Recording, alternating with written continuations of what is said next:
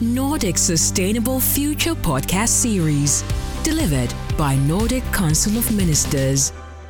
Welcome to uh, Nordic Council of uh, Ministers office in Estonia podcast. Uh, today we are talking about energy security in the region, and uh, I have two guests in the studio. Peeter Raudsik from uh, the power producer, and uh, Izabela, please introduce yourself. Uh, good morning. My name is Izabela Surwillo. I'm a senior researcher at the Danish Institute for International Studies in Copenhagen. And uh, as we're talking about the energy security, Peeter, what's the Sunly's role in the energy security in this area? So I think if we look at the very broad picture and uh, maybe even a bit more abstract way than usually when we talk about security of supply and so on, then there's a threat to our climate. So everyone who deals with and produces renewable energy in a way is trying to address uh, that threat, um, mitigate that threat. And Sunly is a company that produces renewable energy from wind and solar. We also have a large scale storage project here in Estonia, uh, a pump hydro. So all this in a way will uh, help us to kind of build for this future where energy is coming from clean sources in a reliable way. So I think that's kind of the broad broad definition in, of, of our role uh, in that. Mm. And Izabela, you're by definition a scientist, but uh, the en- energy security and the kind of uh, these relations, have you been studying these and writing books about it, or? Uh, yes, and energy security is an interesting uh, concept because it has so many different meanings and definitions. Even in the literature on the subject, you have over 45 definitions of what energy security is and different frameworks and uh, indicators that you can look at. I think that uh, if we think about the Baltic Sea region specifically, it's an interesting one because it basically uh, exemplifies the vision of views on energy security, historically speaking, and that basically reflects what was happening uh, in Europe as well. So we had countries in the former Soviet sphere for whom energy security was very much connected to this geopolitical dimension of security of supply and Russia, and that was always taken into account when they were designing their energy policies. Then we had the Nordic region when uh, the, um, the debate was mostly on energy trilemma. So, how to balance affordability, sustainability, and security of supply, understood mostly in this economic dimension. And then we had countries such as, for example, Germany that saw, for example, you know, energy sector as one of those sectors that can be used to increase uh, you know economic links with Russia and basically democratize Russia in the process to kind of improve regional energy security, but also political security through this increased economic interdependence. So the outbreak of war in Ukraine and the subsequent uh, energy crisis basically uh, led to this big shakeup and convergence of views across the region of what energy security is and what it entails. And geopolitical aspect of energy security is very much high on the agenda across the region. On the other hand, we also have to accelerate energy transition. So countries uh, such as the Baltic states or Poland, they also have to look into uh, development of renewables at a faster rate. Mm, we, we kind of have to, at least two major conflicts on the background. One is the climate and the other one is the war. And uh, both of them are having, of course, huge impact on the energy supply and the, and the uh, the kind of the situation on the power markets. For the average consumer, of course, the main worry is uh, what's the power price tomorrow? Can I afford to put all the technology I need to plug it in, and uh, you know, can I pay my next month's uh, electricity bill? And combining mm-hmm. these is a challenge. Uh, I, I don't know. Do you guys have an answer how to how to do what? How to, how to combine all these challenges?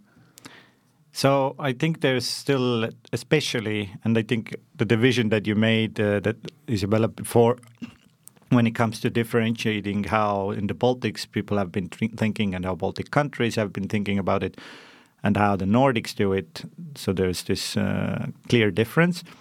I think in the Baltics we still have a lot of uh, education to be done as well. So consumers also one way or another, are going to be forced or they need to understand that their role in this new energy system is much different. It's not only being a consumer, it could be that they are uh, a party that offers demand response, meaning that in the moments of peak electricity consumption, for example, they are ready uh, to reduce their consumption in order to uh, bring back the balance. I think that shift has not taken place yet uh, in Estonia, in other Baltic countries as well. So that's kind of part of it. That first we need to acknowledge that the role of the consumer itself has changed fundamentally, and then we can move on, kind of taking these puzzle pieces together. So if we use this puzzle um, picture, you know, I think it's not about kind of yet in the Baltics at least matching the puzzle pieces. Rather, it's still doing the jigsaw. So you're still kind of cutting them out uh, to be fit for this future puzzle that we need to put together. Makes sense, Izabela. Yes, definitely. And uh, as Peeter was saying, basically energy cutting, uh, increasing cutting on energy demand and increasing energy efficiency measures. These are like the most cost effective the fastest way how to improve energy security in the long uh, in a short term. In a long term of course now in the current uh, climate and as you mentioned it is a dual crisis. It is a climate crisis that's ongoing and there is an energy crisis on top of that.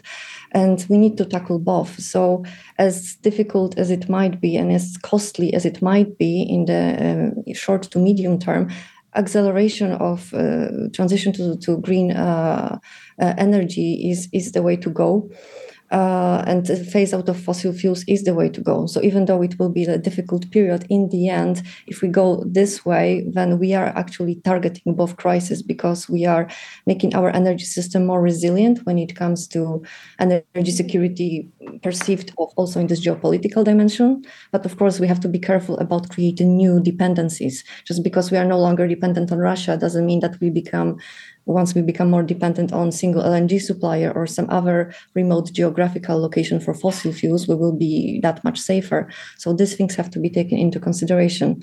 But in general, in, improving uh, energy efficiency, cutting energy demand, and developing renewables on a big scale will tackle both crises long term. Mm.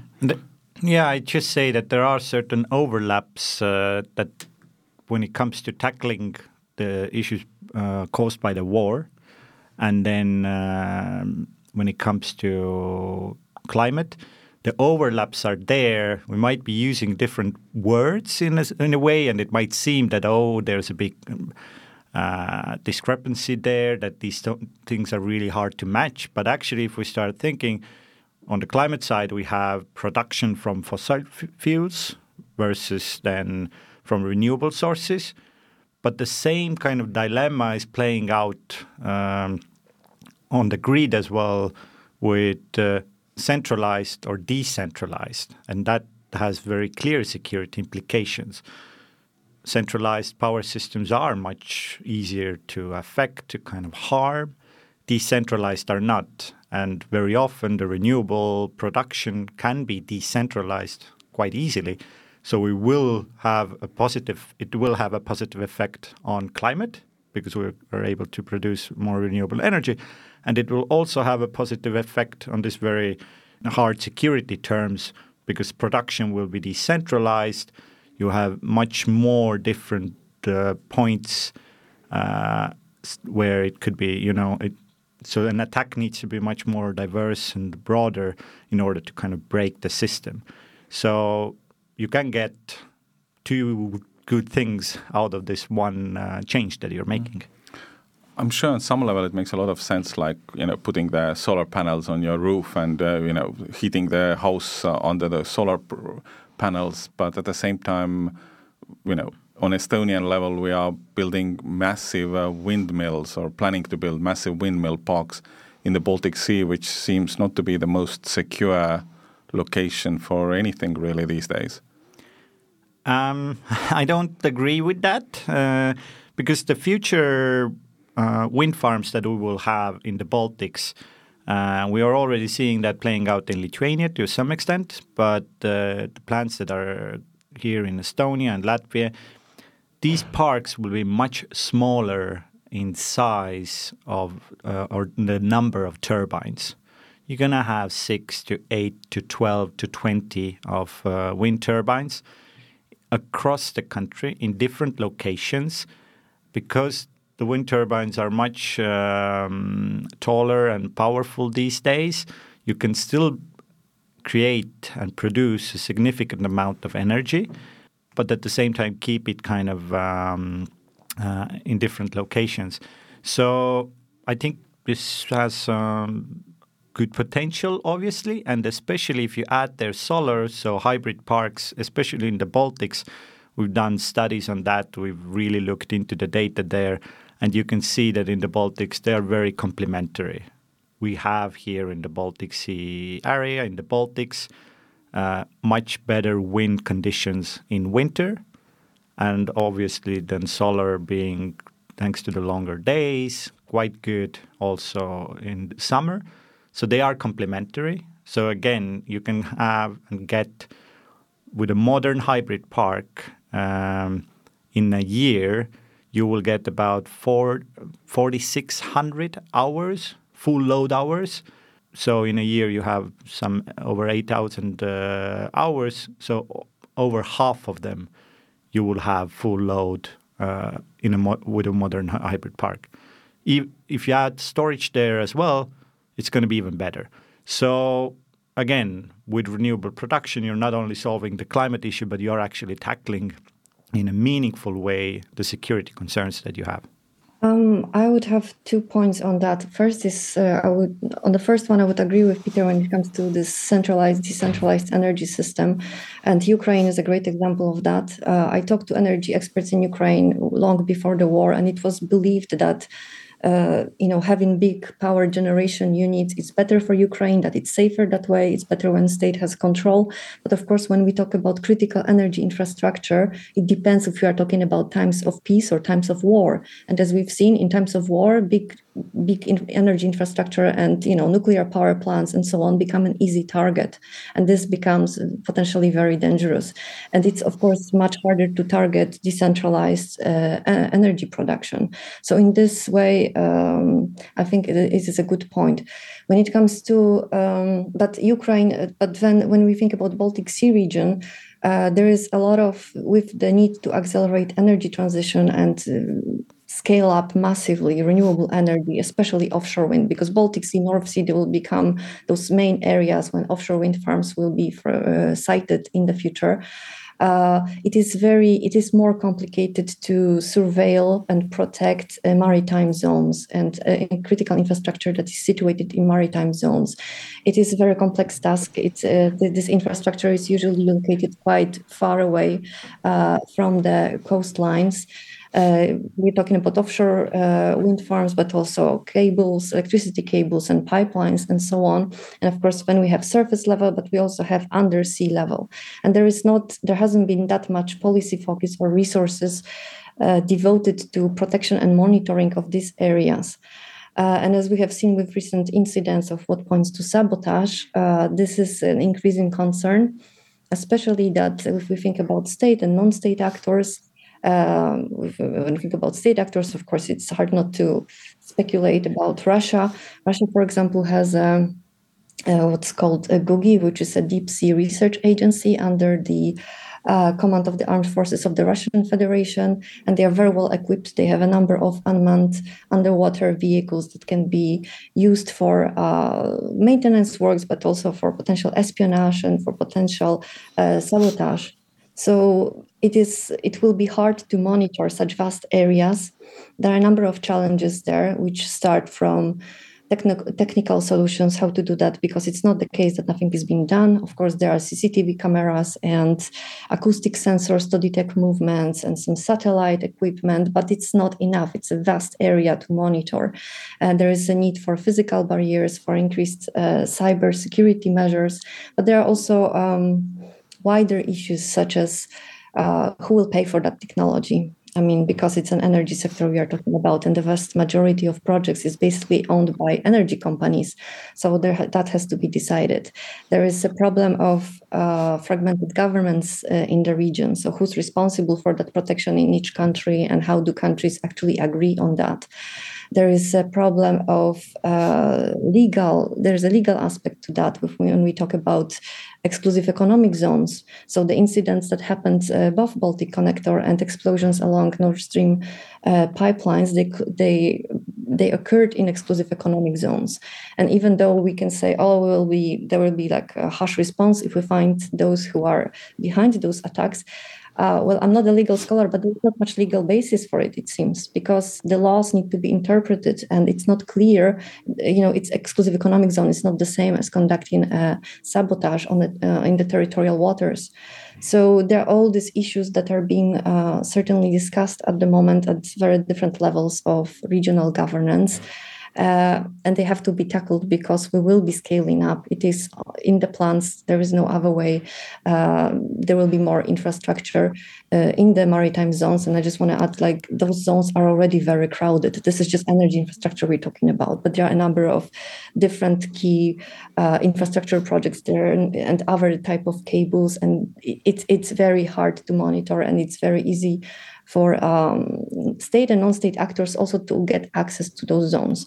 Uh, because um, for example the nord stream pipelines even if they are not operational they basically provided kind of cover for repair and maintenance works for russian vessels who can go along those pipelines uh, under that cover exclusive economic zones they can be accessed uh, and have been accessed by all type of different vessels.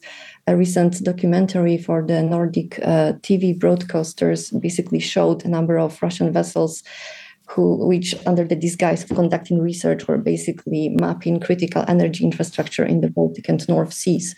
So this kind of activities, uh, and that's not illegal, that's legal because this is the type of activity that is not um, illegal currently in exclusive economic zones are out there and all those uh, multiple issues basically need to be tackled.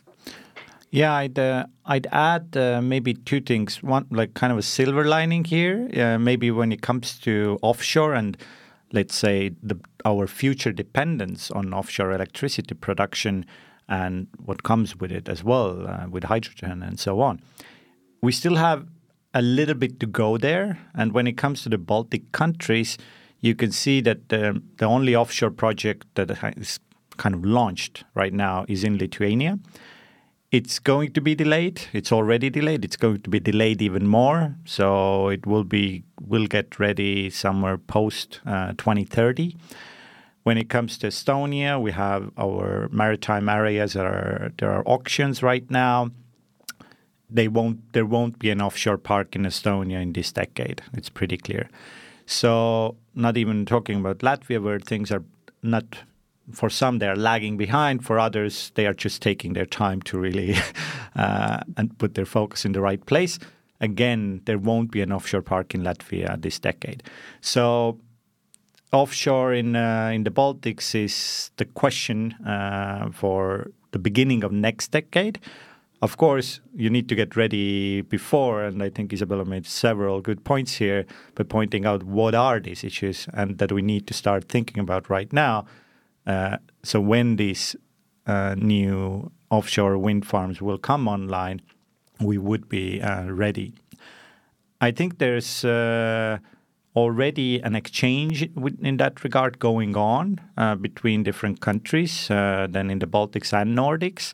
So just a few weeks ago, actually, um, Norwegian uh, prime minister was visiting Estonia, uh, and also during these discussions, it was brought out and kind of po- pointed out that Nor- Norway has, for example, a lot of experience when it comes to protecting maritime uh, energy facilities, uh, whether they are um, oil rigs and so on, so or platforms.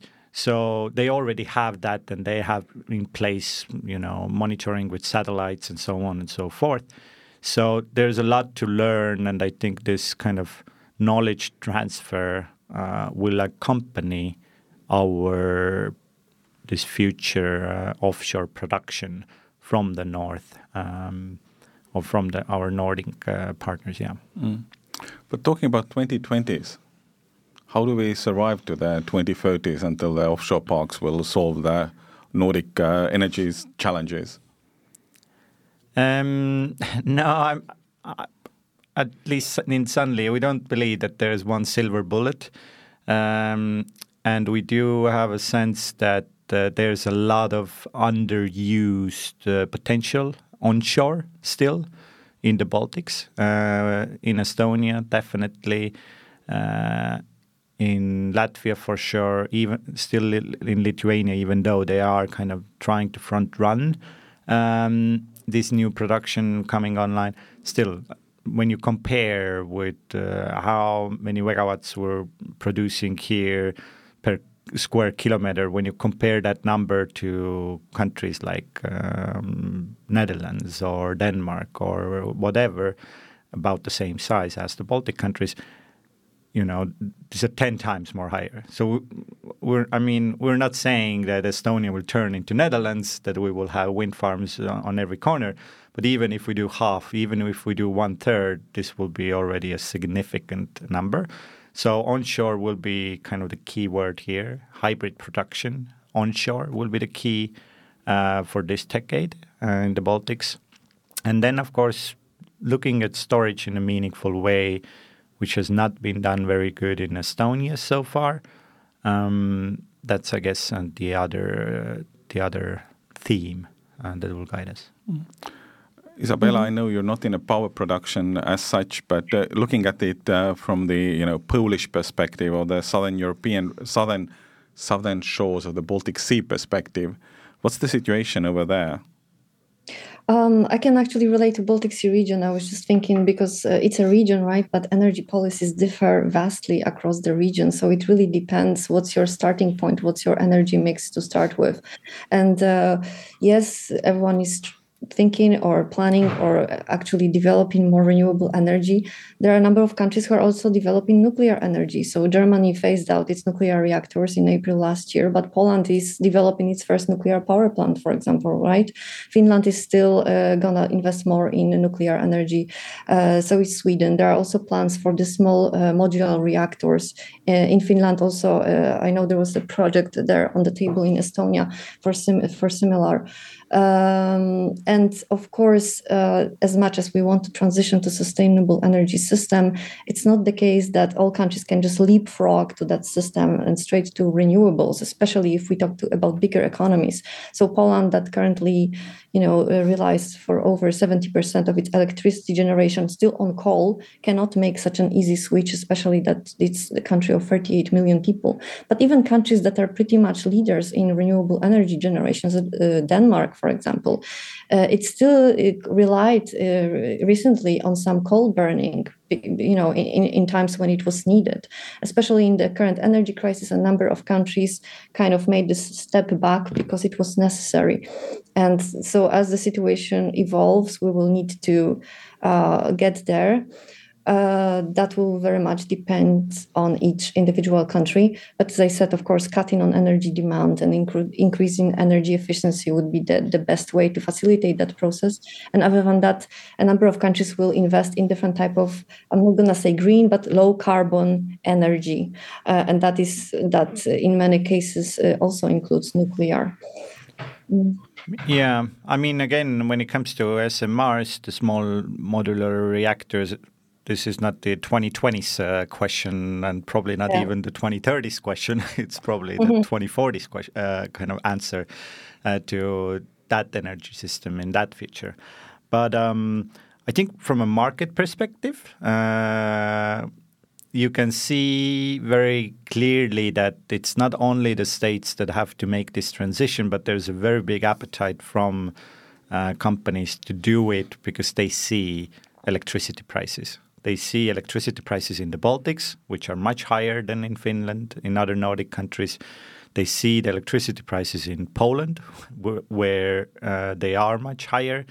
So there's a very clear readiness to invest, very clear readiness to build uh, these new production and renewable energy production there, not only because of uh, trying to fix the climate problem, but uh, very clearly to also uh, earn uh, profit, and this profit is there as long as the electricity prices are such, and these electricity prices are quite high because of the fos- fossil uh, energy production. Um, so, in a way, it's uh, it companies are very much incentivized on already because of the price to kind of uh, chip in to come in and uh, in some cases, uh, I think, especially in the Baltics right now, in Estonia in particular, you have a time window where you don't need that much government support uh, in monetary terms.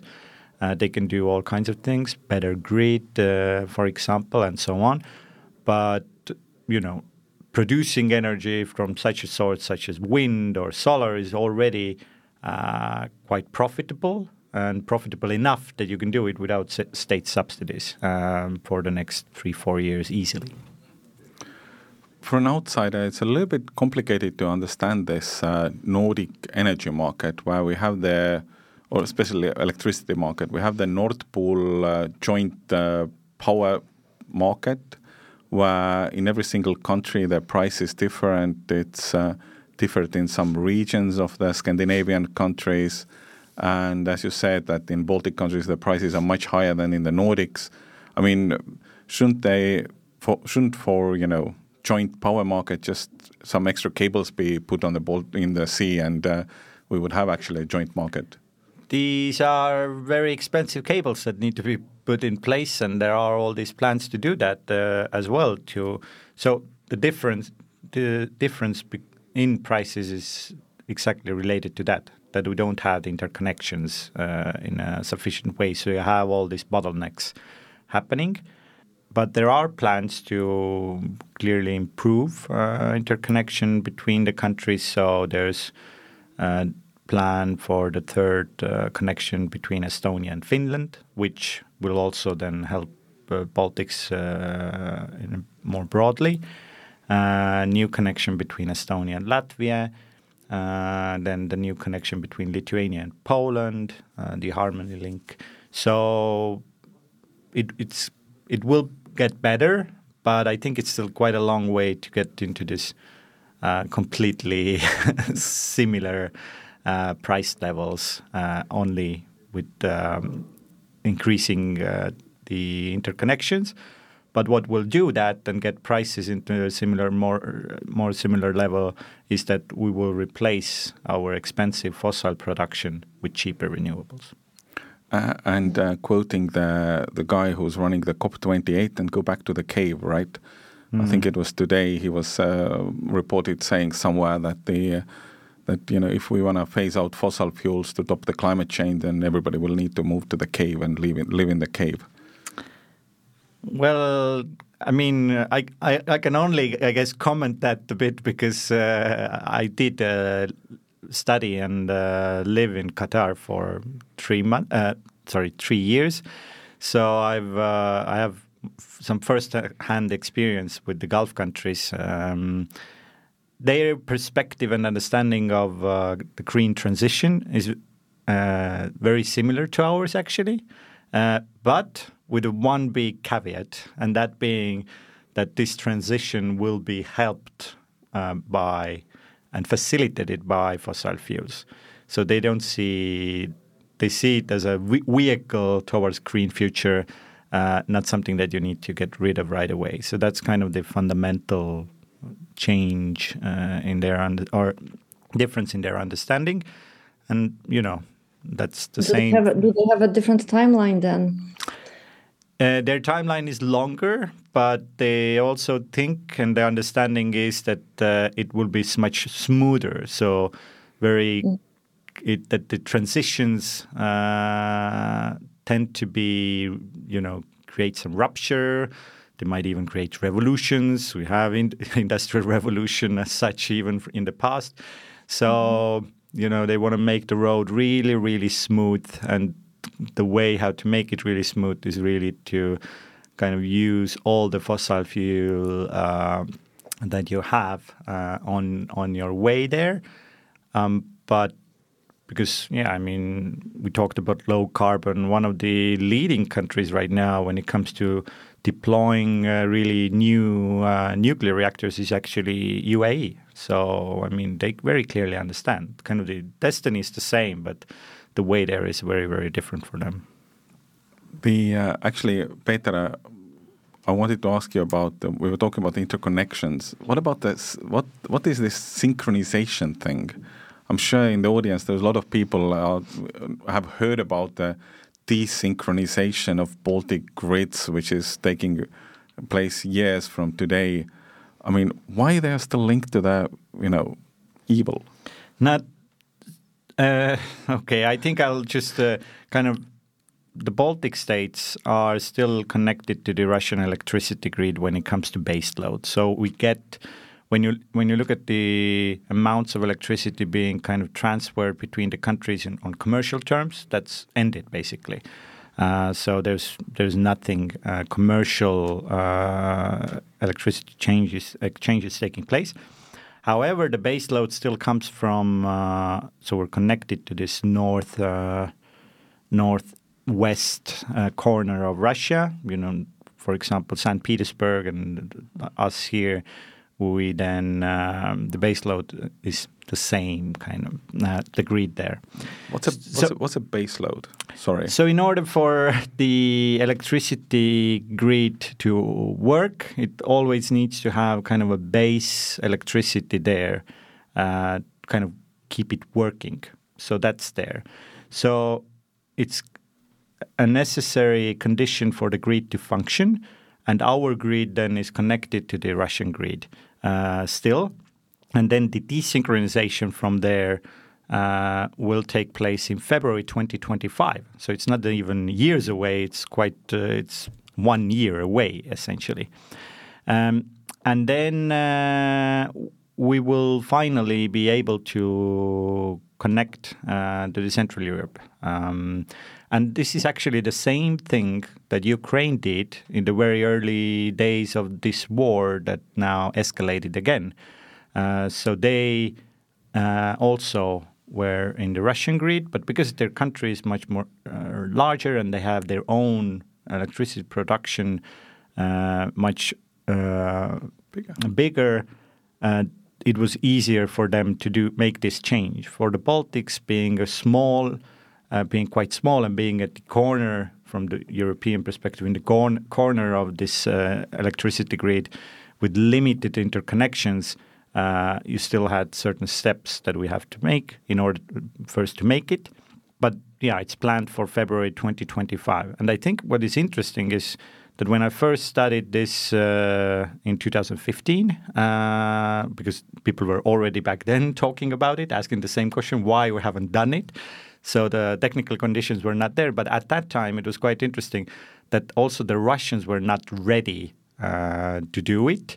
Uh, and there were clear fears that if the Baltics would do it in a snap, you know, St. Petersburg will go dark.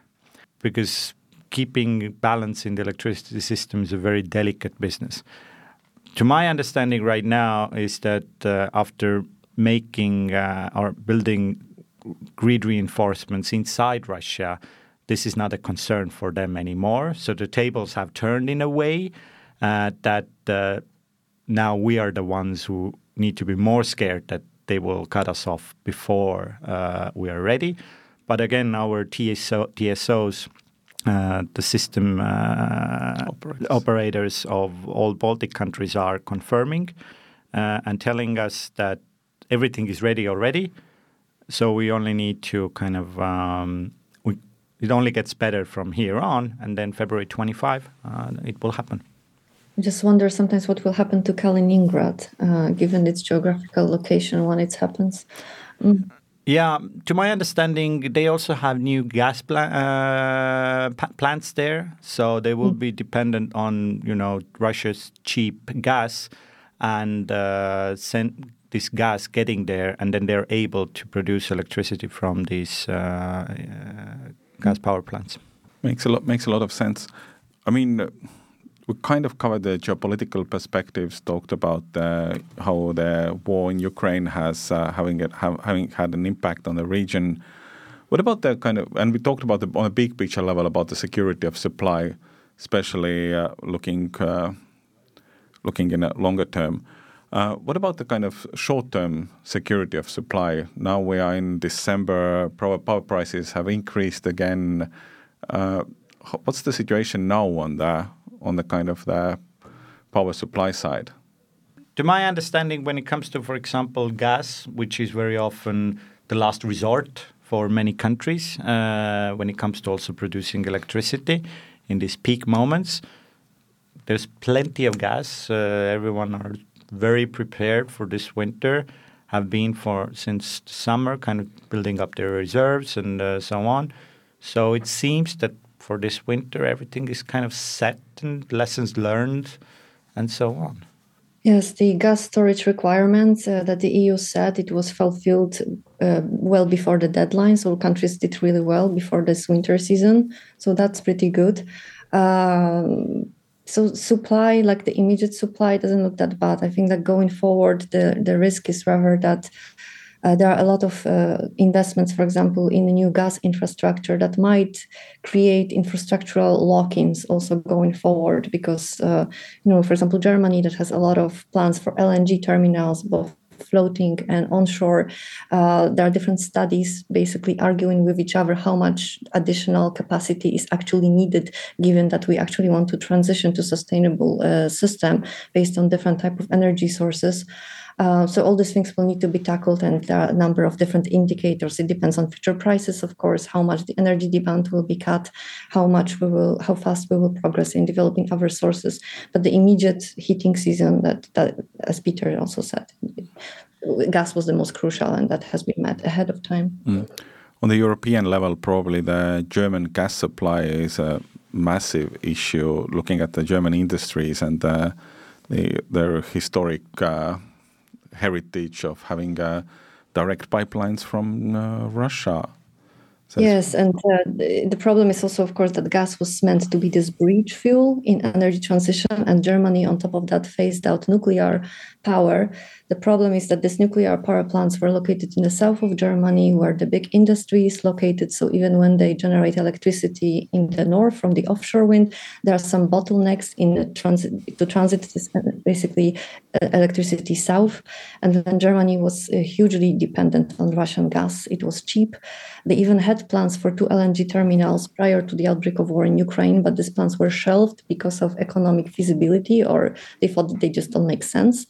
Um, so this is really the, also the difference that we were talking about at the very beginning, because Poland and Lithuania uh, it was also very expensive for these two countries to construct LNG terminals, and they did it even though it was much cheaper to keep importing piped Russian gas. But it was a matter of national security in these countries. So energy policy has been securitized for many years. In Germany, it wasn't. So now that we have convergence mm-hmm. of views of what energy security entails, and these geopolitical aspects have to be also taken into account that will be important going forward that we learn from like uh, past uh, mistakes so to speak.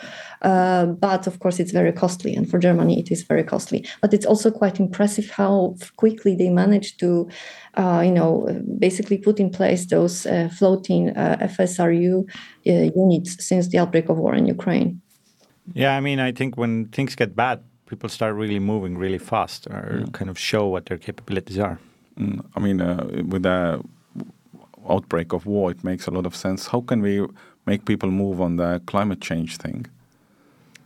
I mean, it seems to me that the, at least the uh, the Gulf area challenges that uh, for them the difference is not that big from year to year. Yeah, I mean, I guess that's kind of a broader question when it comes to how climate change then should be tackled. Uh, I, you know, not going in on the global debate here, but I guess what the realization in Estonia has been, for example, is that the biggest change still in a country such as Estonia, and I can see that when it comes to the discussions around uh, the new climate law uh, that is being uh, prepared and going to be adopted next year, is that um, you can, uh, or the, the big the biggest shifts that need to be made are not on a kind of regular, ordinary person level uh, but on a government level, uh, really picking out uh, certain um, fields or, or sectors and enforcing them to play by these new rules and to decrease their carbon footprint. So, when it comes to transportation, for example, uh, that's where you can, in Estonia, for example, get a meaningful uh, change. And uh, especially if you start looking at the transportation sector, you know, public transportation picking that out, uh, heavy vehicles picking them out, you will get the biggest change. So it's not that the regular person needs to go and buy an electric car that will have the re- big change. It will eventually be kind of necessary as well. But right now, there are still this undone uh, or yet to be done uh, things where government can really kind of use their regulatory force uh, to get it going. And I think it will be similar in many other countries that before even the regular people uh, you can do a lot with uh, as a government uh, as such. Yes, I think uh, this this applies to many countries in uh, Central Eastern Europe in general. But of course, if you think about countries like Germany, when this environmental awareness has been very high for many years, and then they actually have some real impact on the politics because they can put societal pressure. In other places, this is not the way to start. It's really the regulatory frameworks and right policies that incentivize right type of businesses and individuals, or sometimes just do not you know interrupt people who really want to install i don't know batteries or like wind turbines and that so the regulations or the paperwork doesn't take forever for them to do so. So that's where it should start. But having said that i think the environmental awareness is also growing like aside of that in the region as well. And uh, this awareness about the climate crisis in poland and other countries uh, of the baltic sea region. I'm not talking about the nordics because they were always kind of a step ahead the uh, as we are as we are recording this uh, episode at the time of the Nordic Baltic Energy Conference, I thought it's probably a, a good maybe thing to wrap up is to maybe try to draw the picture of the today's difference between the countries because uh, we've talked a little bit about Estonia, we've talked a little bit about Lithuania, Latvia, Poland, Germany, a little bit about the Finnish nuclear uh, power projects. I mean, maybe somehow to describe the overall region, what are the biggest differences? Yeah, I'd, maybe I'd say two things. So the Nordics are ahead when it comes to deploying uh, renewable, new renewable production. What Finland has done, uh, incredible uh, when it comes to bringing new wind online and so on. So they are ahead when it comes to that they are behind when it comes to kind of hard meeting these hard facts of uh, Russian hostility and kind of being ready to really um, have answers uh, to all these energy security related questions, I think. So there, I think the realization that we need to consider that Russia is an unreliable partner, this realization was very much here in the Baltics before, uh, when in the Nordics or even uh, in the Western Europe. So there we are, at least in our thoughts, uh, whether we did the right steps, uh, that could be discussed. But we did realize that before them. So um, I guess that's kind of the difference. Yes, I would totally agree. This also ties to what we were talking about at the very beginning different perceptions of what energy security is about. So the focus was on green transition versus basically security of supply and diversification. And it was also, it also translated in how countries uh, approached the very idea of protection uh, protection of critical energy infrastructure because here in the region the securitization of energy for example the lng uh, terminal in lithuania which was heavily guarded from the very start and considered a, project of national security versus like in the Nordic region, the uh, uh, I think the attention was more on uh, non-intentional hazards such as you know accidents, technical failures, like natural disasters. Yeah. Mm-hmm Yes. So this is this has certainly changed now, and I think going forward, it's it would be important to work together and have sort of a knowledge transfer because we can learn from each other. So they they they appreciate geopolitical aspect now and how to think about energy security basically in hard security terms, as the region of former Soviet sphere has been thinking about for years. But the region here needs to really accelerate the transition to sustainable energy system, and the expertise in knowledge uh, in that area is from the other side. So it's actually this mutual learning, I think, that should be uh, paid attention to going forward. Good. I think that's a good comment to wrap up this discussion. Uh, thank you, Izabela, and thank you, Peeter. And uh, until the next time, thanks. Thank you very much. Thank you. Thanks.